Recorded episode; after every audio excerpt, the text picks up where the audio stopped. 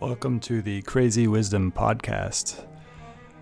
This podcast doesn't really have a specific theme. Uh, it covers a lot of my interests, it co- covers a lot of other people's interests. It goes into philosophy, spirituality, business, uh, how to live a good life, many different things. Ultimately, I don't believe in having themes for the things that we do. We can categorize the things, and obviously, we categorize things all the time. Uh, but I like to keep things open ended, a continuous process of discovering the truth as it is. Uh, and the truth is tricky because we can't really get to the truth uh, exactly because the truth is nonlinear. It is, in the words of John Vervaeke, combinatorially explosive. Uh, even the truth of this window that I'm looking at, the window itself, the glass that makes up the window is combinatorially explosive.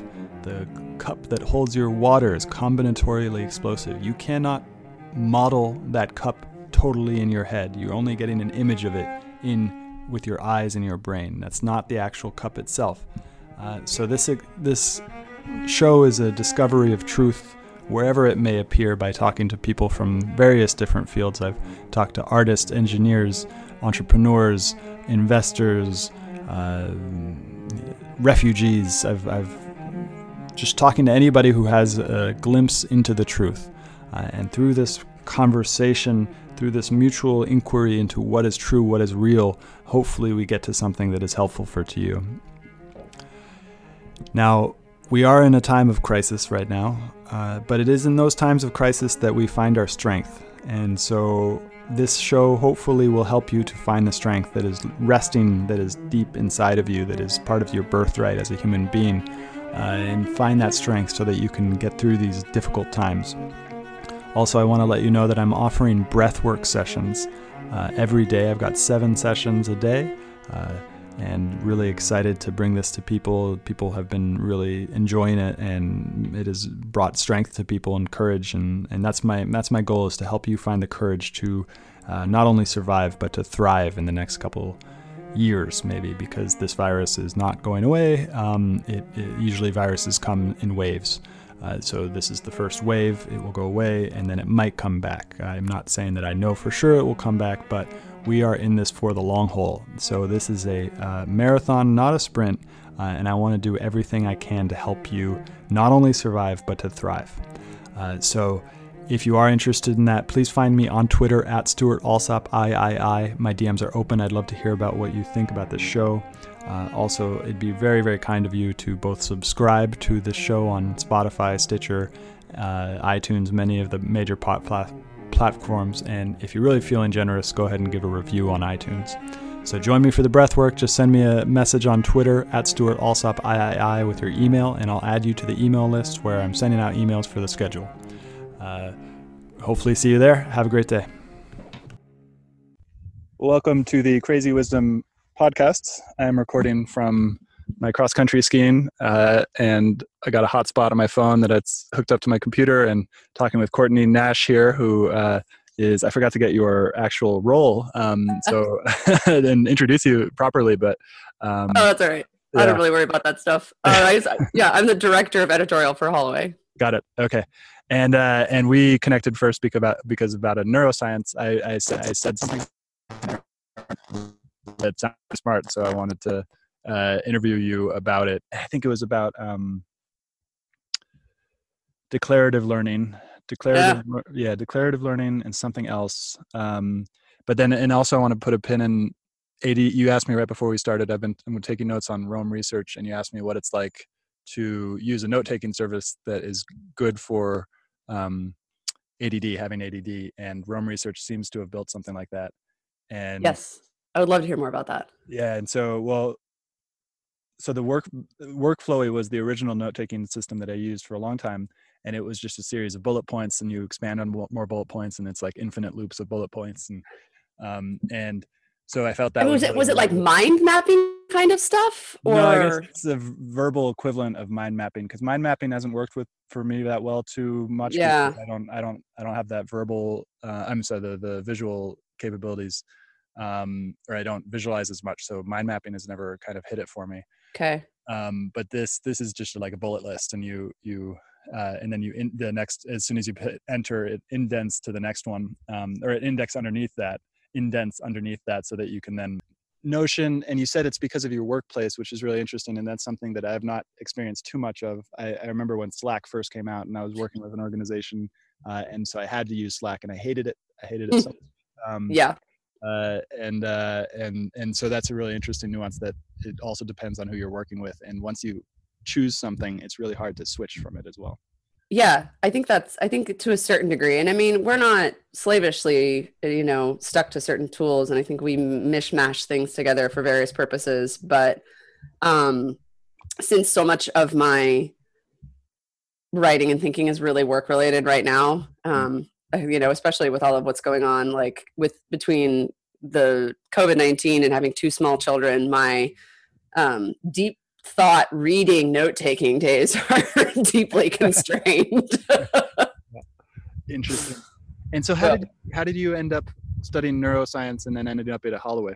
Oh wow. I'm going to try to give you the super tldr version of that. Um, the neuroscience end of things was just a weird progression of the sciences for me um, I started out a math nerd and then I kind of became a chemistry nerd. Um, and then I took like one semester of, I can't remember if it was OChem or PChem that broke me in college. And so I went looking elsewhere. Um, and I'd always been uh, really fascinated by how people learn. I, have been fascinated about how I learned. Um, I didn't realize that until I got older and, and was able to sort of meta analyze that. But I'd always been a um, itinerant skill acquirer. Um, so I was a I was a dancer for a long time, and then I was a cross country skier, and I would pick up different kinds of activities and sports, um, or I would learn how to bake, and I just I became fascinated with like how we actually learn. Um, and then when I got to college, I discovered that there was entire domains of that, and so that was pretty cool. So I ended up getting into sort of a biopsychology track in college, and then that just led to um, going to grad school in a cognitive neuroscience program. I come from sort of a long history of academic science nerds. Um, and I I got pretty far down the road with that, but I ran into a problem that led me to where I am now and to even sort of this whole remote work thing, which was I was living in Illinois and uh, I'm originally from Utah and from the you know sort of western mountain states, and I love the West Coast. And I I think I think three years, speaking of like you know OChem or PChem, three years in Illinois pretty much broke me. Um, and I knew the way academic research worked, I was going to have to get a postdoc at wherever you know was in my specialty and so on and so forth. And I I left. I just was like, oh God, I can't do this. Um, I was still so fascinated with how people learn, but uh, I also sort of this was right at the time when Amazon uh, was just post IPO, and I knew some people there, and I just decided to run off and join the internet. Um, and I slowly wound my way around towards back towards sort of writing and editing, and I eventually said, I kind of, are you familiar with um, Wait But Why? Yes, yep. Mm-hmm. So I didn't know this, but I did the whole yearning octopus thing and like your career trajectory. Do you remember that one? Mm-hmm. no. um, so he has this amazing post on how to pick your career. Um, and I guess I did what he says in that post without knowing that was, I guess, a thing to do. And so I sort of eventually figured out like, what do I want? What are what makes me what fascinates me what interests me and it was such it was a combination of the other reason i left grad school is i couldn't imagine myself studying like the same thing forever. Like it, the spe- the the increasing specialization of of academic research science was stifling for me. Mm-hmm. um, and so i wanted something that had variety um, and and as i put all those pieces together i wanted something to do that i could do from anywhere. I could work remotely um, and i sort of eventually worked my way to working at O'Reilly Media as an editor for, um, and I did that for almost nine years. And that was the first job I got where I was I was explicitly looking for a role where I could work remotely. So it was this combination of life goals and career goals and things I'm interested in, and that was that was the that was the result of that. Um, and I ended up eventually after I left O'Reilly after nine years, a colleague of mine became an advisor for Holloway. And that's how I found out about Holloway. Um, so for me, editorial work is is this perfect combination of you you can be a Renaissance, a modern Renaissance woman, right? Mm. I I can I can I every as an editor I get thrown into all kinds of new topics and subjects, and I so I have to learn how to learn again. Um, and so it's this never ending process of tackling new areas and uh, so all this learning theory i have has sort of served me really well and then i get to live wherever i want and then i get to have this like incredibly creative varied job and i don't meet you know and meet people like you. So hopefully that was short enough. Yeah totally. And that goes through i mean there's so many questions that i want to ask. Uh, there's two main things. There's the cross country skiing because i've been thinking about it past three days because I, I got into um, neuroscience. I didn't study it um, academically academically so i don't have any credentials in it but i, I uh, found my way into studying the body through my yoga practice and uh, eventually getting into a big hole medically speaking uh, and then having to pull myself out of that with, uh. uh, with therapeutic yoga taught by this yoga teacher named harvey deutsch in san francisco who's a physical therapist and uses the language of science mixes it with the language of, of of yoga um, and uh, and and just the concepts and just it's like it, it, like spoke to me in a way that was really beautiful because once I learned once I've realized that learning the language allows me to have these conversations which can unlock more kind of more understanding and so I've been thinking a lot about movement plus what's mm. going on in the brain and it, over the past few days I've been tweeting about it and it's uh, uh on cross country skiing it feels like once you hook the f- foot into the into the the bindings all of a sudden your foot in your the your the model your brain has of your foot expands to, uh, so that it's 10 feet long basically or not 10 feet long it's like five feet long yeah. um, and uh and so that's like really crazy because at first like seven days ago when i was just starting out i was like i don't this is crazy this is stupid like what like I, I, was totally clumsy and there's no way to do it. But then slowly after a lot of sleep and and all these other things my body or my brain has started to build this image of the ski and now it feels like even better than walking. And as mm. a cross country skier i'd be curious to hear what your thoughts on on that um, I have two responses. One, growing up in Utah, I was a big cross country skier and a downhill skier. Um, and number two, what you're describing is actually the very specific area of neuroscience that I studied. um, so I was there's and so to go back to what kind of what connected us initially is these different models or theories um, of learning. Uh, declarative versus procedural is one my particular advisors you know sort of language of reference for that. Other people use terms like implicit or explicit. Um, but there's these different systems of, of memory. And so, like knowing where you parked your car in the parking lot at work is a very different system of memory than what you experience when you get better at cross country skiing. And so, I was really interested in this system of memory that builds physical skills because that's what I did my whole life. Um, and it's really fascinating because the the the the sort of system that builds these declarative memories, these sort of factual, time-based, you know, episode. Sometimes people call them episodic, you know, kinds of memories, is more like a network of all of the pieces of that memory sort of stored in your brain, and you kind of reactivate all the points of that network when you when you have that memory.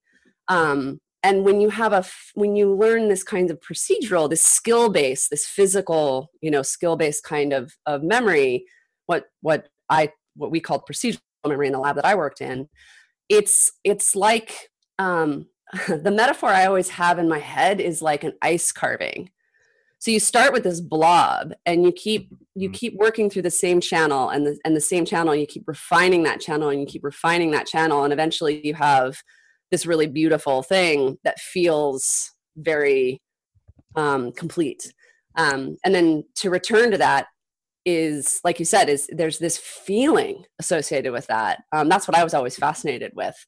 Um, and so it, it's it's almost related to you know, you know this notion of, of athletes and visualization right so you want to if you're going to do some crazy gymnastics move or you're going to drop into a crazy mountain biking line or whatever or, you know you're going to run a route in football you visualize that and what you're actually doing when you do that. You have these crazy neurons in your brain which you may have heard of called mirror neurons.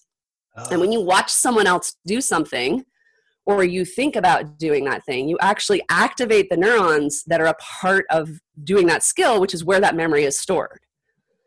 And and that's that almost that feeling right? And even just thinking about it, you can think about clicking your foot into the ski and what that feels like.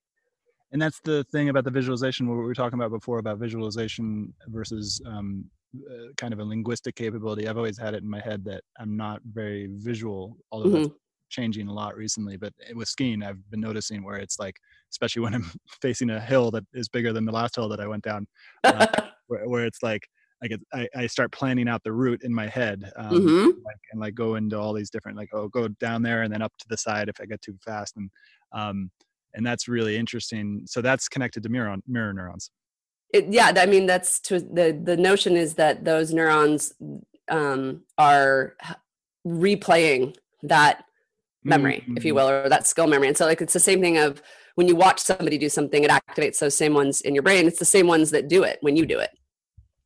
Yeah, it's mm. it's crazy.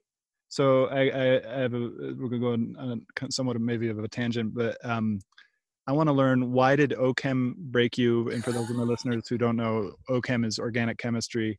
Uh, so for more context, I'm I'm you know I never studied science. Uh, uh, I've I've I've always been interested in it when when I was a little kid, but I've never studied it academically. And and I always heard in at UCSB that people would talk about OChem as like this thing that's just going to destroy you and that you're never going to do it. Uh, and then why what is is it important to learn OChem in order to, what, why is it important Well, I mean, if you want to become a chemist, I think you have to sur- survive OChem. Um, I think for me, what the problem was is it was like learning um, C plus plus without any context reason why.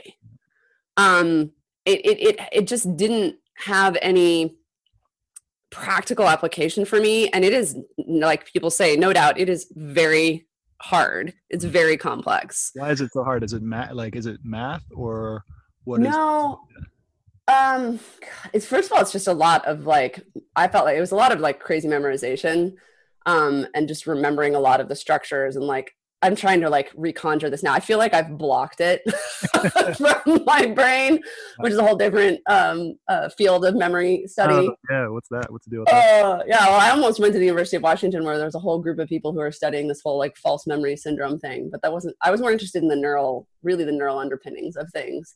Um, I don't know. I don't know. I've been thinking about that a little bit more. But what I can say was when I did have to do really hard things or complex things or even bro- like brutal rote memorization kinds of stuff, like I took this neuros in in the first year of graduate neuroscience, you have to just memorize all this crap you have to memorize like all the nerves in the body and all of these like you just it's kind of silly it seems like it but then you would go and like get to actually dissect a human brain and you'd have to know where you were and you'd have to know what was going on. And then when i could connect all of that kinds of craziness to something that like really was interesting and fascinating to me then it was like okay or you know like graduate level statistics classes which you know were also brutal but allowed me to do the kind of research i wanted to do.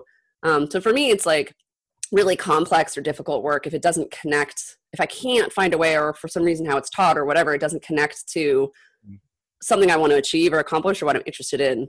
Um, it just, you know, just the, the very way that, you know, all of that, the, that aspect of chemistry work wasn't interesting en- enough to keep me, you know, doing it. And that seems probably it's probably not just you but i think it seems like that's a global thing of I think most people are wired that way, and you know, people who are trying to rethink education or trying to do things differently um, are are are very wise to that phenomenon. And, and you know, like we talk a lot about this with with programming and how programming is taught, um, and how how you know. Uh, computer science is taught and it's kind of the same thing like if it's for some people it's taught in the abstract they're like fascinated by that like they just love understanding that. But for a lot of people it's a means to an end and they want to they want to be able to connect like whatever you know functions and so, to like how what is that how does that help me build an app to do Mm. like whatever you know?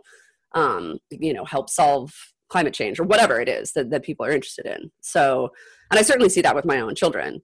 Mhm. um you know we've had a we've had some wild experiments in homeschooling for the last month um and where my children are more self-guided and are able to connect um and they're young i mean we're talking six and eight where they're able to connect something that a teacher gives them to something they want to do or something they're interested in they're far more motivated to do that kind of thing than to just sit around and like do number lines you know whatever new math stuff. And uh so it feels like this gets into memetics as well and like and like memes and people kind of and i mean this in the sense of like the way that i'm not sure if this is an accurate way of saying it but the way the way that ideas get transplanted from one's one person's heads to another person and i'll give a personal example i was like you said i started learning coding and i was and it was the basically the the undefined general d- meme desire was uh, learn coding, you will have invincibility in the job market. Yeah, you can get whatever job you want wherever. Yeah. I'm familiar with this one. And I hated it. I hated it so much, uh, right? and uh, and it was totally lacking in context. Like the, the people who were teaching me on these on the one of the first generation of remote schools right before Lambda school, people were teaching me this were like, you got to make it practical. You got to build something you want. I was like, I don't know what the hell I want. I just what does that mean? where's where's the job? Where are the jobs? And uh and uh and then yeah and, and, i hated it now i'm doing these other things like i'm i'm i'm learning from this woman who's uh special trained by the special forces to survive in any environment and she her name is jessie krebs and uh, she works for this company called the prepared uh, and she's she's like consulting with me teaching me this stuff on zoom now going back to remote work she's teaching me how to wow. like build a tarp and she taught me um, uh, that I could easily drive in and under with my van, which has a leak in it, unfortunately. Um, and then uh, and then she told taught me this awesome trick, which is if you're cross country skiing or you're walking in the snow and you want to keep hydrated all the time, what you do is you get a wide model wide mouth um, bottle and then you fill it with snow. And you have yep. to. I found out you have to have a little bit of water in it to melt the snow. Yep. Uh, and then you keep it next to your body, and then you can stay hydrated all day long. Um, and uh, so she's been teaching me all this stuff of like with Great my hands types of stuff. I mean, I guess programming is is with your hands as well, but there's something about it's so abstract. That's maybe that's it. Yeah. What about, what about abstraction? How does the brain work with abstraction? What's the deal with that? Yeah, dude, I don't know the answer to that question. uh, that was not really my my that was not my jam. I I have no idea is my yeah. answer. I'm sure there are people who are thinking about that. Um, I mean, I guess abstraction is some form of sort of meta, you know, metacognition, you know, thinking about thinking to a degree. Um, but wow, yeah, I, am I'm, I'm not your I'm not your gal for that one. Sorry. Um, well, this leads into another question I have. So I've been getting into. I didn't even hear about cognitive science, and, or I didn't know what cognitive science was until I started watching this YouTube lecture called "The Awakening from the Meaning Crisis" by John Vervaeke, who is a cognitive neuroscientist at uh, University of Toronto, um, and it's just this beautiful lecture series about all the wisdom traditions over the thousands of years and how it ties oh, into oh, wow cognitive science and, and philosophy and, and anthropology and all. It's just like beautiful. Oh, that sounds amazing. I don't know his name. That sounds lovely. John Vervaeke. Um, and uh, so he's got me really interested in about cognitive science, and I'm now starting to think maybe I should go study it. And mm. and, um, and what this goes into a question about, uh, and I couldn't word it right. Which is the school that is most open-hearted when it comes to teaching cognitive cognitive science? And I didn't mean open-hearted, but I meant like you said that people are thinking about this like which school would have the least amount of bureaucratic nonsense oh, in terms of studying it? I don't know. I could do some research and get back to you on that and ask around. I mean i went to very traditional i mean well not very traditional route. I went to a very non-traditional school but it was still a like a formal liberal arts college. Um, i didn't go to some place insanely wild. I went to reed college in portland oregon. Mm. Um, and I think they have a formal neuroscience program now. Back then, it was a it was a psychology program, but there was a woman there, my advisor, who specialized in in you know sort of cognitive neuroscience side of things. And so I was just I think crossing paths with her was what was the lucky spark for me. Um, yeah, and I feel like I know the sort of traditional powerhouse neuroscience schools. That's not what you want. Oh, um, I don't know. I don't know, but I will yeah, happily research a little bit and get back to you, and maybe you can include some notes when you put the podcast out. Sure, and that well, that's a good good uh, nuance too, because I, I, I wasn't thinking about it in terms of larger schools versus smaller schools, um, mm-hmm. smaller liberal arts schools type of situation. Um, and actually, that just comes up with another question and this isn't specifically to you, it's to anybody. It's how, how have small liberal schools adapted to the recent change in higher education practices? Like, why would you go to a big, big school as opposed to why would you go to a small school? No, yeah. I mean, that's true. And, and after all of this that's happening to everyone right yeah. now, I think mm-hmm. is such a massive shift to even that question that I don't, I mean, I'm horribly biased, um, but but I hold I, I can hold the two ideas in my head because I'm horribly biased, having gone to a really small, really focused liberal arts school that was perfect for me. Mm-hmm. Um, it was not perfect for 50% of the people who went because that was the attrition rate there. Mm-hmm. Um, still is, from what I know. Um, but I am the child of parents who are lifelong career, large public state university employee. You know, my father was a professor and my mother was an uh, was an administrator, and I believe strongly and deeply in the value of large public state mm-hmm. schools mm-hmm. and they serve wildly different needs and purposes um, and so i think i was in an incredible place of privilege to mm-hmm. be able to choose to go to a very small liberal arts college that even in the 90s cost $25000 a year mm-hmm. um, that is not a choice that a lot of people even are able to make anymore um, but for me uh, and then I got the best of both worlds. I mean, when I went to grad school, University of Illinois, it was like 30,000 something people. And I really kind of reveled in being in a place that was so huge and had such more diversity than Utah did and had so many more. You know, I would just wander over to like the computer science program and like hang out and meet people. Mm. Um, so there's just, I think those choices are so, they're so personal, but some of them are also so rooted in privilege that I think that's a diff- that's a difficult question to answer. Um, I think I think the more intimate your education can be, mm. the more valuable it is, in my opinion. Um, but that intimacy can be created in a wildly varied number of ways in so many different environments. Yeah, yeah. I remember when I was I was I studied at a big state school um, and at UCSB in Santa Barbara. Yeah. I remember uh, trying to you know establish a relationship with one of the professors uh, and it was really hard because all she wanted to do was research and um, she didn't, she didn't want to teach um, which is so interesting and uh, and uh, so and then it go this goes into remote work a little bit as well but because remote schooling um, mm. I, the you know a couple months ago before this idea popped up in my head the, there was this um, thought like but i'd have to go somewhere i don't want to go uh, mm. if school is better than than but now that might be that might change that, that might change wildly yeah wild speculation let's let's go into wild speculation what do you what do you think is going to happen to higher education online um, well i think a lot of it won't change in that there's such a degree of value in people being close in proximity um, when learning together. Um, I, I, anyone who studies learning will tell you that that's the most fertile environment, um, you know, for learning to occur. And I don't, I don't think there's the, certainly by any means the sort of mindset or technology is anywhere close to make that work very well yet for like higher education. Um, and I think the sort of entrenched systems of money and power aren't going to get ripped apart that quickly.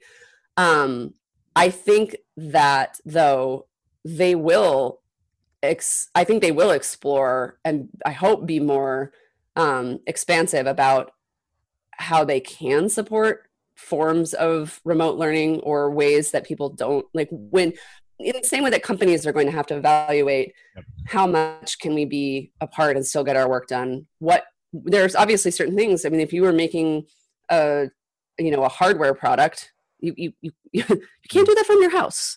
Um, and you you you know like so there's there will always be in educational settings. Also, I think the challenge is there's no way if you need to learn how to um, be a microbiologist or a auto mechanic or a welder or you know eh, there's many things that you physically have to be present with other people um, and so I think it will be a shift in what that looks like. What what will be what I fear is that I do fear that the classic sort of liberal arts college mm. won't survive well. Mm. Um, and and that may, and maybe that's that I don't know. Um, I am like I said biased um, and privileged because that was an experience that that like really defined me. But it doesn't mean that that's what everyone needs or that that's the way that it has to work.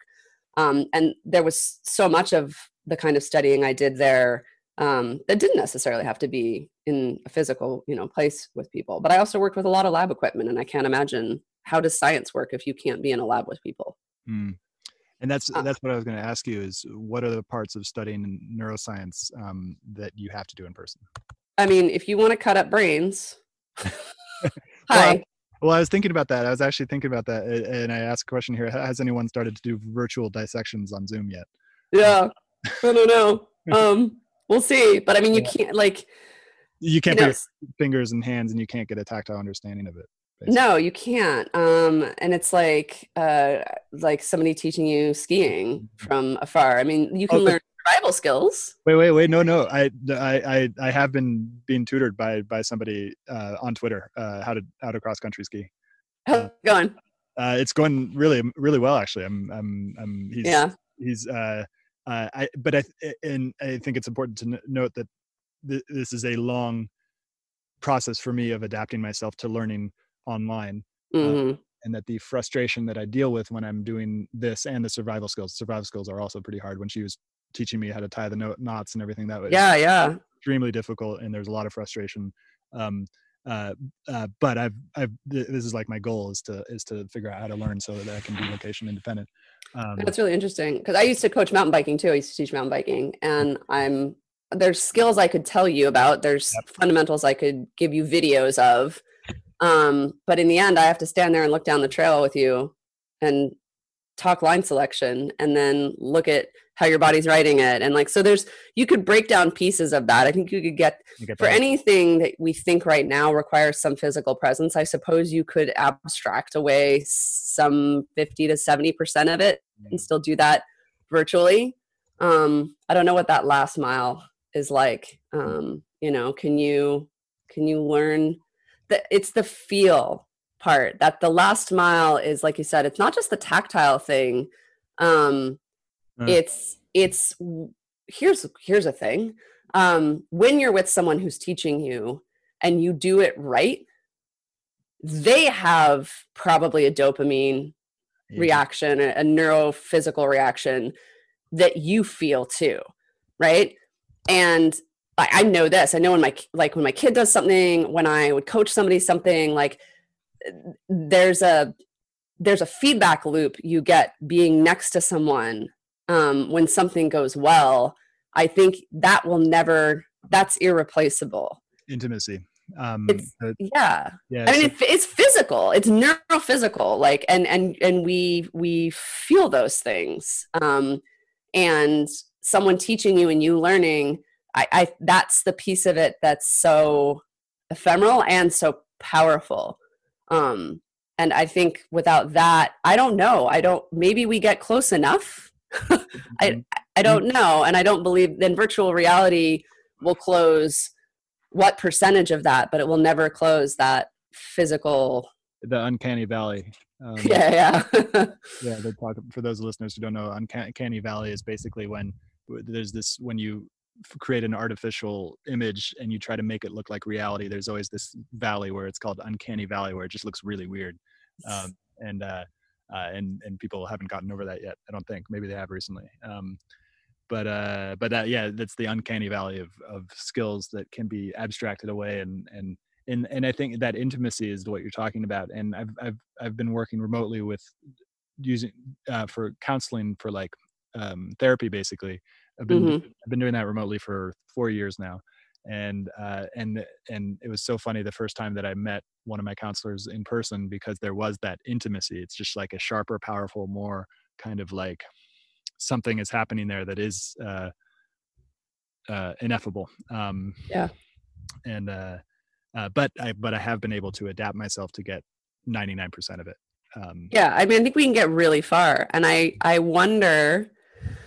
You know, the really full dystopian science fiction version is like, what happens to us if we really do push that as far as we can? Um, and I don't, I don't know. I think the maybe I'll leave that one to the philosophers and the anthropologists, but Well, and and so the the woman you studied with was named Patricia Churchland, right? I didn't study with Patricia. Um, I well, I knew her son. I went to college with her son. Mark was a dear friend of mine, and he went on to study neuroscience at UCSF, and is now at like, oh, sorry, Mark, Yale or Harvard or somewhere really fancy, running his own neuroscience lab.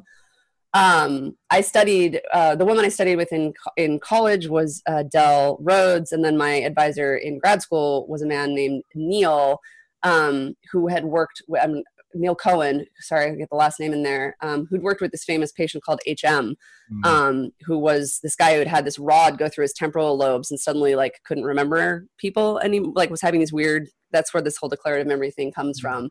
Um, but Patricia, I just knew from my friend Mark, um, and then obviously I, I read and, and followed her work as well. Um, so she was more of a friend um, than than a teacher. Um, but I think her work in um, in basically what's you know, what people what she calls what other people call neurophilosophy um, is fascinating. And you know, there's there's long been a, a weird divide between the worlds of sort of psychology and neuroscience and philosophy um, you know, one more in the practical and one more in the abstract. And I, she's done an incredible job of trying to bring um, broad philosophical concepts into the domain of, of cognitive uh, neuroscience. Um, I, I, mean, she's a genius. They gave her an award for it. She got a MacArthur grant. Um, mm.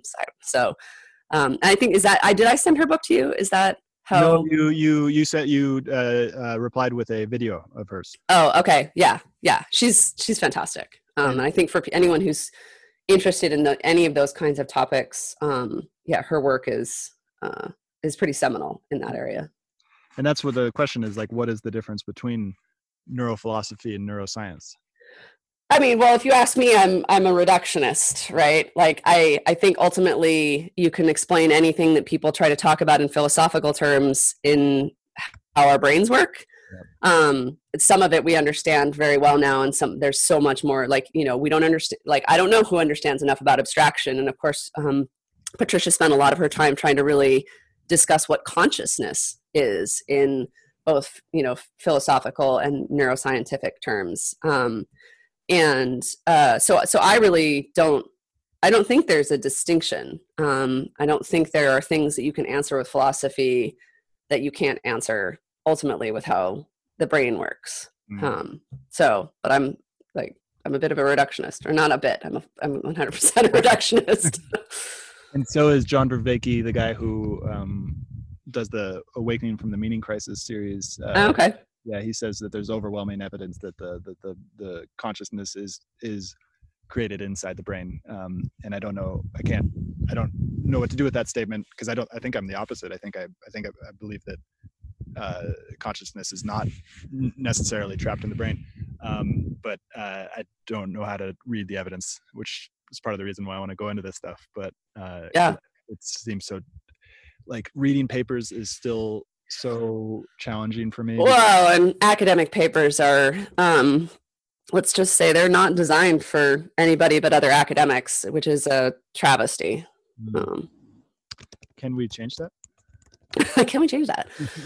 Um, yeah, I mean, it's a it's a it's a systemic problem that all that comes back to money um, because people write and publish in order to get grants to have enough money to keep doing what they do. Um, and so the system is rigged, as they say. Um, there is very little in that system of grants and grants writing and academic research for the public. um, you know, and unfortunately, when you have a system if like like that, uh, the the incentives have to change. Um, and maybe this comes back to this whole conversation we were sort of having earlier about like large research, you know, or large institutions. I mean, so much of research happens at these large universities um, that's not entirely true. I mean, people do research at small small places too, as well. Um, but the sort of uh, academic publishing model is largely predicated on um, on people publishing as much as they possibly can, and that allows them to get more grants. And so, I don't. I mean, I don't. I don't have an answer to how that gets better for non academic folks, um, and except in that as long as our research institutions are incented by money in that way, um, it, it, I don't think it will change. And that's always, um, that's always the tricky one, right? The money part, because it's like, yeah, uh, so many people are very, very easily uh, able to make it okay with themselves to turn a blind eye if a lot of money is involved um, and it's something i think all of us do I, I don't think i think there's very few of us who would who would not who who would not deceive our deceive ourselves in that way. Yeah and i mean it, i don't think that a lot of what happens in there is is necessarily you know people doing bad things for the sake of of money. I mean of, course some seriously shady shit happens um, in terms of academia research and money. But i think what i mean is that if the way the system is set up is you write these arcane papers for each other and you review each other's and the more you all reinforce each other, each other in that system the way it's already built you continue to get what you need to do your work no one's incented to change that. Mm. i guess that's really more what i mean. Like um, no one no academic researchers are incented to stop writing these like really difficult to understand papers publicly because there's no what how does that sadly right? How does that help them? It doesn't because the system rewards you know papers that are well regarded by their peers that are all written in these ways and you know and so we go around. Um this goes into the a question of earlier about like so you said that learning a physical skill enacts this part of the brain that has that feeling state kind of thing. Do you know about learning vocabulary and how that's different from learning a physical skill? Um yeah i mean i would put i would put learning vocabulary in the land of this sort of declarative mm-hmm. memory you know you have to it's a it's this fact right vocabulary is a is a weird fact mm. sitting out in the world um and the way you learn that is you connect that fact to other facts or other you know um pieces of that moment that help you remember it um, that's you know that's why t- the, there's it's when we talk about it, it's like a system of of things. So that fact doesn't just exist as a fact in your brain. You access that fact through possibly all kinds of routes of whatever mm-hmm. other elements were involved in that memory. And that's why so much of memories of these kinds of memories are very like time or place based. Mm. um, you know you remember when you learned something or where you learned that. Um, and be, you, you tie your brain helped you tie that in time and space to that fact. And then you can get back to it kind of through any of those ways. You like sometimes where you lose track you're like i can't remember that. And you're the, the metaphor i always have for people is like when you're trying to remember like a word or a, like something and it's driving you crazy it's like you're trying to access it through this one path of that network and you're and it's it's blocked by a door right? And if you you have you had this happen where you like you're like forget about it whatever. And then you know you're in the shower or like whatever something happens and you get it back. Yep. You found it. You, you're let you, like this is me fully hand waving and having no real, like real research behind this but i'm sure people have been this. You let your brain kind of work on the problem and it found one of the other ways in yeah. of that of that declarative memory of that network map. And, and then you were like it was you were on you were at a blocked door you let it go and then your brain found the other way in and then you're like there it is. Okay now i've got it and this is what Vervaeke Vervaeke talks about um, in that series is that uh, you've got the framework, uh, but then you need to break frame in order to come back to it. So you need to dis- disintegrate and then integrate it again. Um, oh, that's his language for it. Okay, yeah, that's interesting. I'll definitely have to look at how he talks about it. Um, I'm so familiar with this phenomenon. I mean, I use that as a tool all the time. Instead of getting frustrated when I can't get something, I and that also has a feeling to it, right? Yep. I'm like, okay, forget it, move on. I know it's going to come back. And like, what's really powerful about it is, I mean, and not always, right? I'm sure I forget some of these things and they never come back, but um, but I feel like it's a superpower to know that's how the brain works, and I can be like, "Ooh, okay, I'm I'm banging at the blocked door. I'm going to let it go, and it's going to come back to me some other way at some point." And mm. uh, at least 50 to 60 percent of the time, I'd say more often than not, I get it some other way at some other time, which is really cool. So I feel like we could go on for a lot longer here, but I'm getting cold now. So, so. you should. And I was supposed to be in a meeting, and I kept texting, slacking, like this. This is too good. Hang on, I want to keep talking. oh, you had you had limited time. All right. Uh, it's all right. Yeah, it's so, okay. Uh, so can we do one more question? Uh, yes. Do like uh, five more minutes or so, um, if you have that. And uh, so I'll give you an option. There's glia and like the the other parts of our brain besides the neurons that I would love to talk about if you have any if you have any eh, eh, anything to say about that. Uh, and then the other question is like why would somebody or myself need an editor if I'm writing a lot and I've never had an You're going to need more than 5 minutes for that one. Um, okay, I I don't know a lot about glia. Um, Who would be the I, best person to talk to? Do you think? Yeah, I mean, I I know they form the myelin in your brain. They're sort of the in between. They're the inter the the forming the material of the interstitial spaces of like your central nervous system. Um, you know, they don't. They're not the synapses and the nerves that produce like all the electrical impulse and whatnot. I think of them as like the um, they're this they're like the support structure, the nurses of your nervous system. Um, and I I have this like itching feeling that some really interesting research had come out more um, about glial cells um, in recent time. But to be perfectly honest, I'm like, oh, I could just be misremembering that. Mm-hmm. Um, but I feel like there's, I think there probably like also there's probably all kinds of mystery in the same way that like I don't know if you know all this research has come out recently about like this the sort of gut brain connection and how much more um, involved like your gut microbe is with actually how your nervous system works which when i first heard about that i was like that is some new age bs and that can't possibly be true. Um, and i was wrong.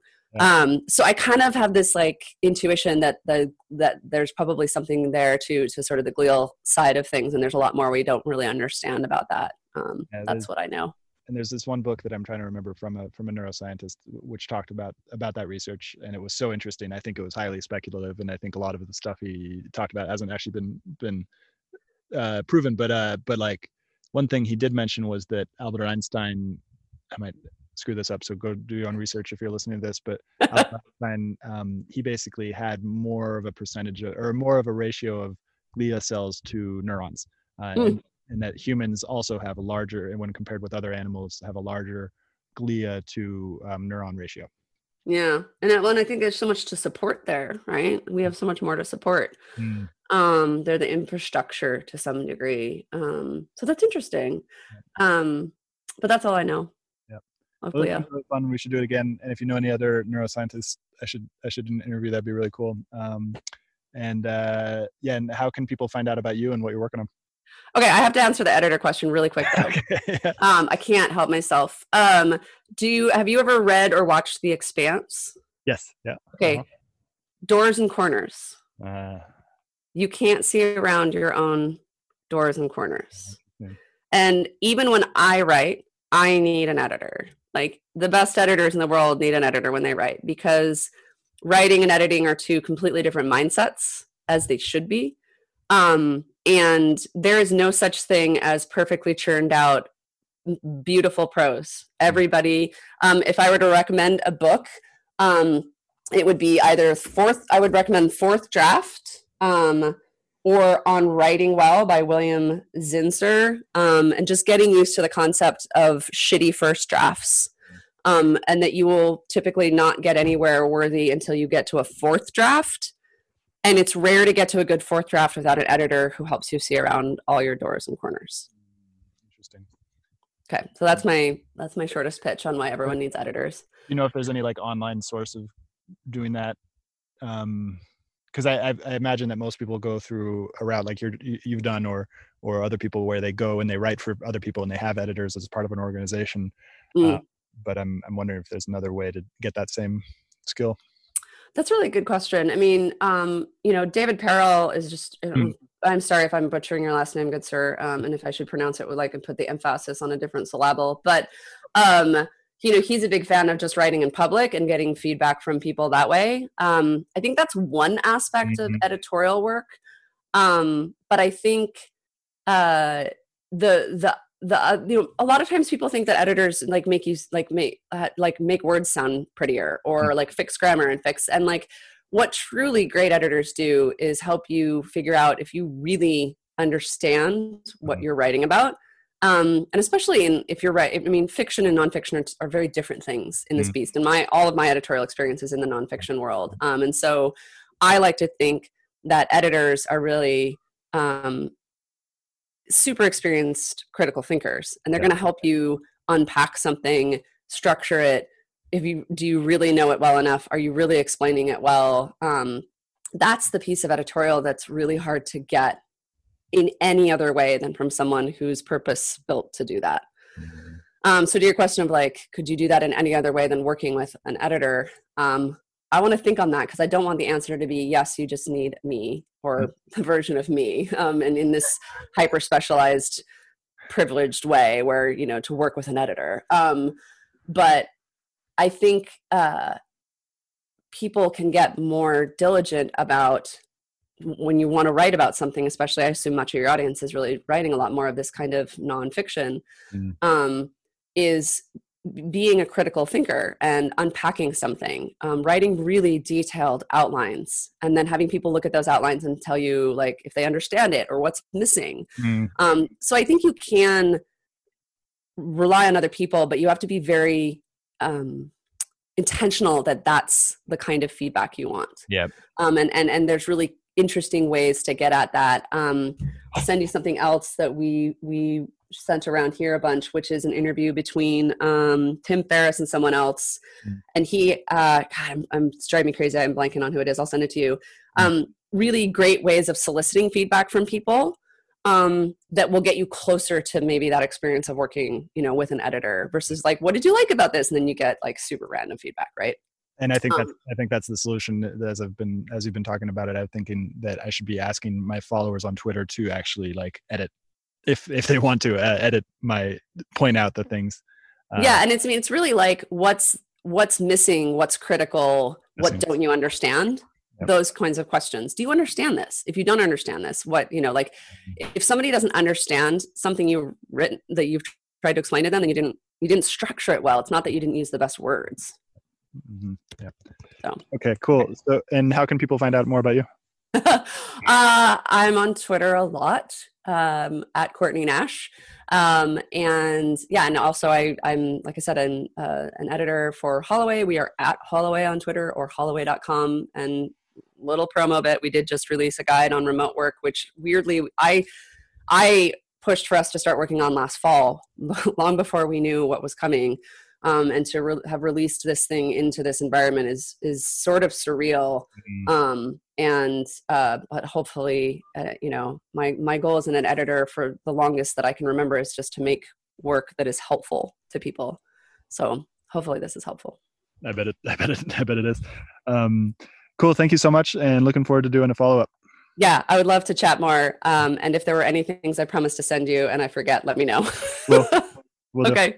Uh, enjoy the rest of your skiing. Thanks. Hope you enjoyed this episode.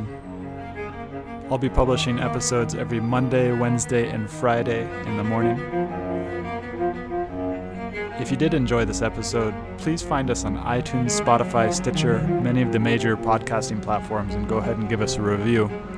And also subscribe. And as always, I'm on Twitter at Stuart Alsop III. Come join the conversation as we aim towards the truth. And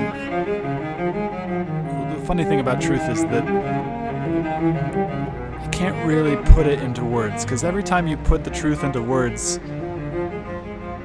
you create a linear narrative out of something that is nonlinear. The truth is nonlinear. It's not. It's. It's. If you really recognize the truth right now, your mind wouldn't know what to do. It'd be overwhelmed by beauty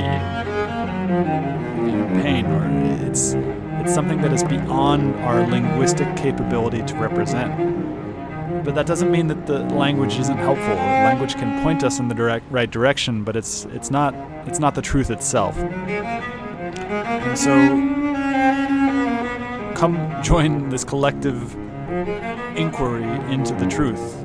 Find me on Twitter at Stuart Alsop III. Uh, subscribe to the podcast, share the podcast with your friends.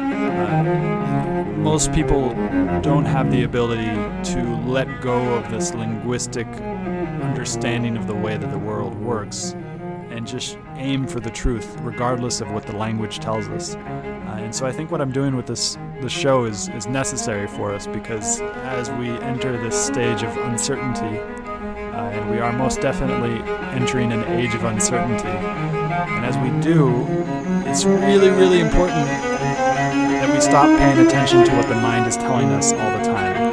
Doesn't mean to say that the mind doesn't have its place. The mind obviously has its place, but it's just one of the senses. It's just one of the tools that we can use. We can use the mind, we can use the feelings, we can use our actual senses.